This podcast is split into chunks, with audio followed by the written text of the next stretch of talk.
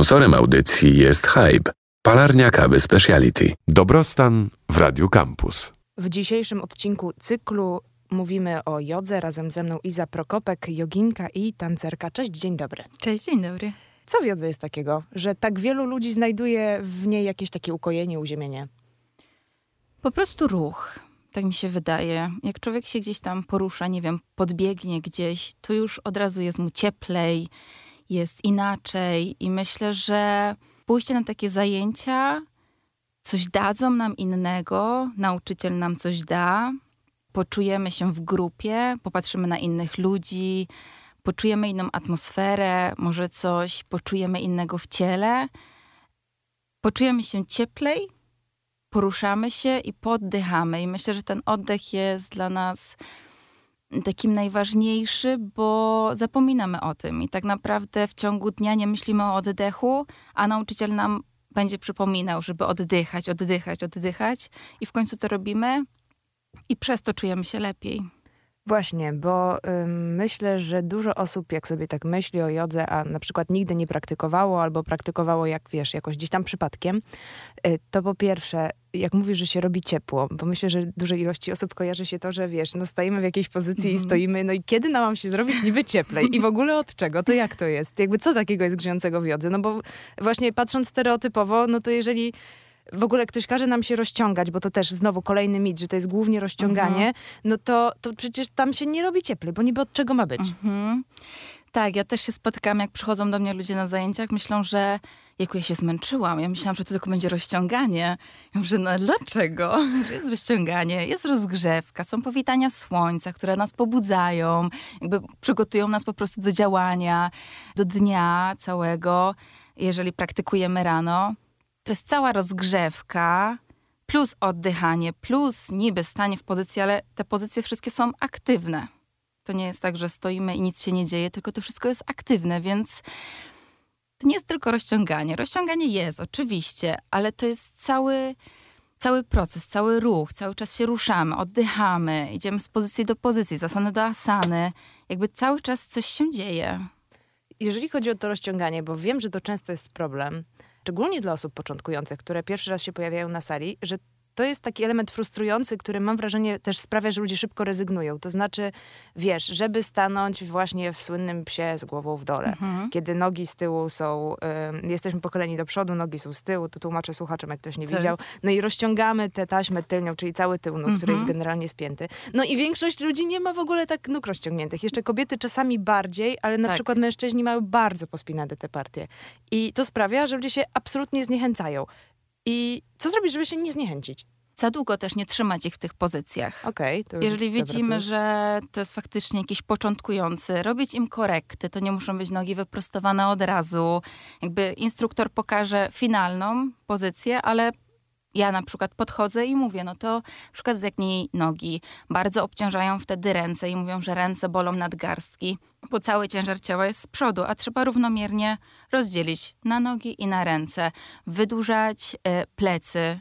Jakby ja podchodzę konkretnie do osoby, jeśli mogę, i daję im wskazówki. To nie musi być już finalna pozycja, tak jak robi instruktor czy nauczyciel, tylko dla siebie, żeby to było dla siebie wystarczające, żeby poczuć coś w ciele i czuć się w tym dobrze. I nie trzymać długo po prostu w tych pozycjach się.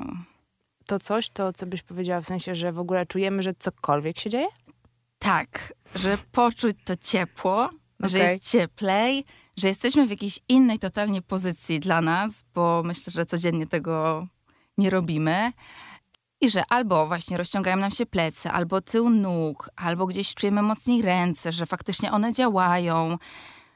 Żeby tak skupić się na swoim ciele. Mhm. Czy faktycznie to mi coś daje, czy stoję, bo tak mi kazał nauczyciel.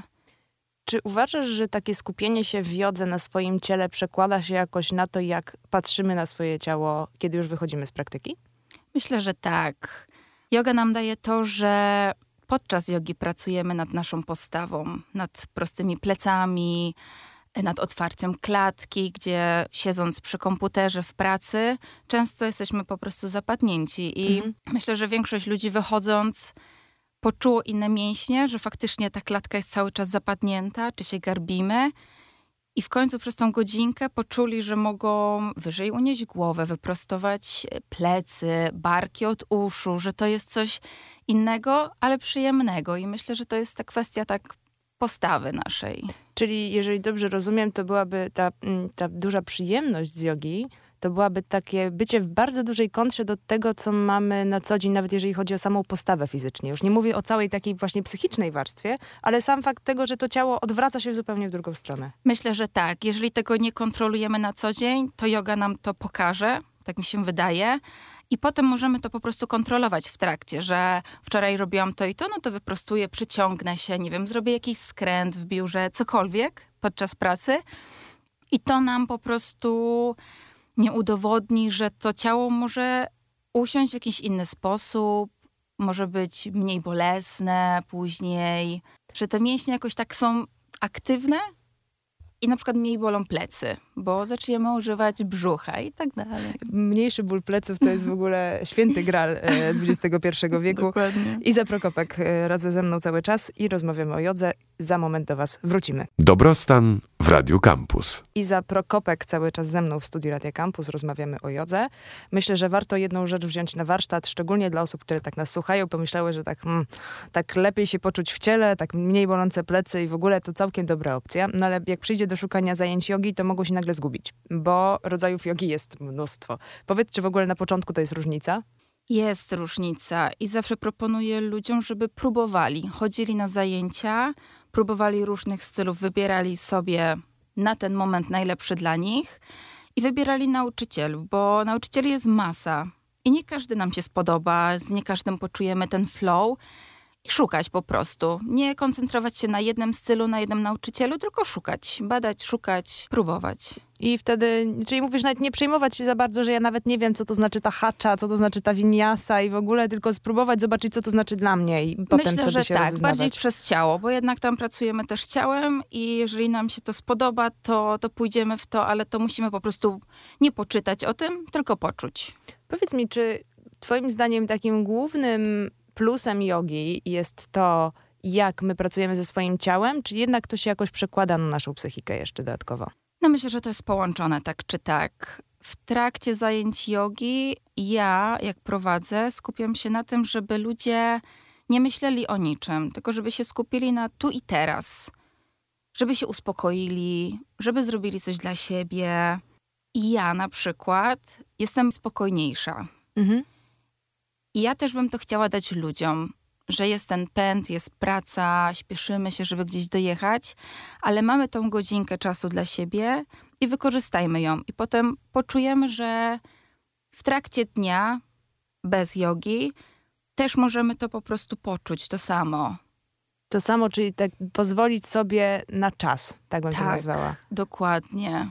Wychillować, pomyśleć o sobie, poddychać, przypomnieć sobie to uczucie, jak się czuliśmy w trakcie relaksu na jodze. A powiedz mi, czy jak jest tak, bo ja sobie łatwo mogę sobie wyobrazić, mam przed oczyma moją mamę, która jest taka Mhm. bardzo szybka, w ogóle ćwiczy jogę, więc Mhm. jakby też trochę mam sugestie odpowiedzi, ale jestem ciekawa, jak to wygląda na większej próbie badawczej, tak jak ty prowadzisz zajęcia, że są osoby, które, no tak właśnie, wiesz, łatwo sobie wyobrazić, tak jak masz dzieci, kredyt do spłacenia, robota i tak wszyscy jesteśmy w biegu i jak jesteśmy cały czas przyzwyczajeni do takiego nerwu, to że jak nagle ktoś nam się każe położyć e, w, na koniec praktyki w szawasanie i odpoczywać, to że mam wrażenie, że to jest strasznie trudne jednocześnie. Mhm. No to jest najtrudniejsza pozycja. Naprawdę? Tak, to jest najtrudniejsza pozycja.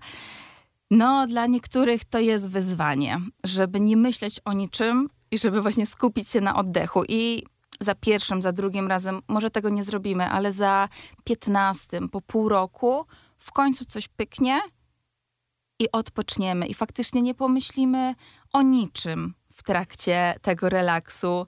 I wtedy człowiek wstaje i podchodzą do mnie na przykład i mówią, że wow, że coś się stało, że w końcu nic się nie zadziało, po prostu leżałam i było mi dobrze.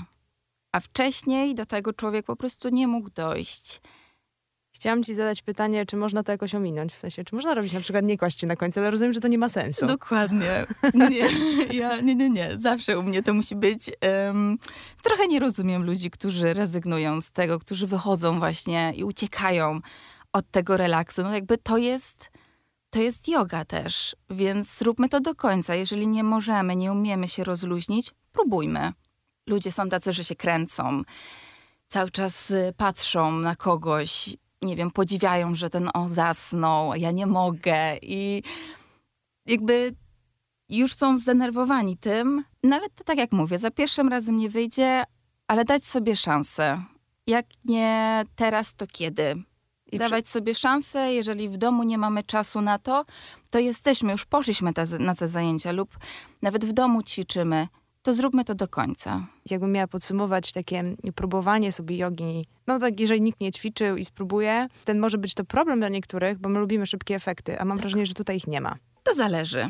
Jeżeli dobry jest nauczyciel i dobrze poprowadzi i my jesteśmy regularni w tym, to myślę, że szybko zobaczymy efekty.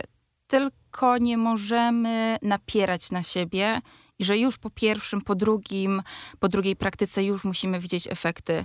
Tylko to troszeczkę rozłożyć w czasie. Każdy człowiek jest inny, każdy ma ciało inne, e, ale szybko widać. Okej, czyli coś tam się ruszy, nie jest tak, że zupełnie, tylko że nie pierwsze mm, trzy praktyki. Dokładnie, no. dokładnie. No i spróbować różnych i wybrać tą, która daje nam faktycznie najlepsze efekty dla siebie, po której czujemy się dobrze. Ostatnie pytanie, bo jest dużo praktyk na YouTubie, takich darmowych, co jest fajną opcją, bo czasami karnety, jeżeli ktoś chce się wybrać y, do studia, to to jest dość duży koszt. A tych praktyk za darmo w internecie, nawet takich długich, rozbudowanych jest dużo. Czy uważasz, że jeżeli ktoś nigdy nie miał styczności, to to jest dobry pomysł? Zawsze to jest jakaś opcja. Kwestia tylko tego, żeby zrobić te wszystkie asany, pozycje poprawnie. Mhm. Więc jeśli wiemy, że to nie jest jakaś wymagająca yoga, albo wiemy, jaki poziom pod siebie wybrać, to jest spoko. Jakby próbować zawsze można. Jest na YouTubie dostępne dla każdego, więc y, próbujmy. Ale też fajnie się czasem wybrać chociaż na jedne zajęcie, albo z kimś się skonsultować, czy faktycznie dobrze robimy te pozycje i o co tak naprawdę w tym chodzi. Jeżeli już mamy jakiś tam, jakąś podstawę, to dlaczego nie? No i fajnie. To znaczy, że mamy dużo opcji i jogę można wypróbować. A Iza Prokopek była moją gościnią. Bardzo Ci dziękuję za rozmowę. Dziękuję bardzo. Dobrostan w Radiu Campus. Sponsorem audycji jest Hype, palarnia kawy Speciality.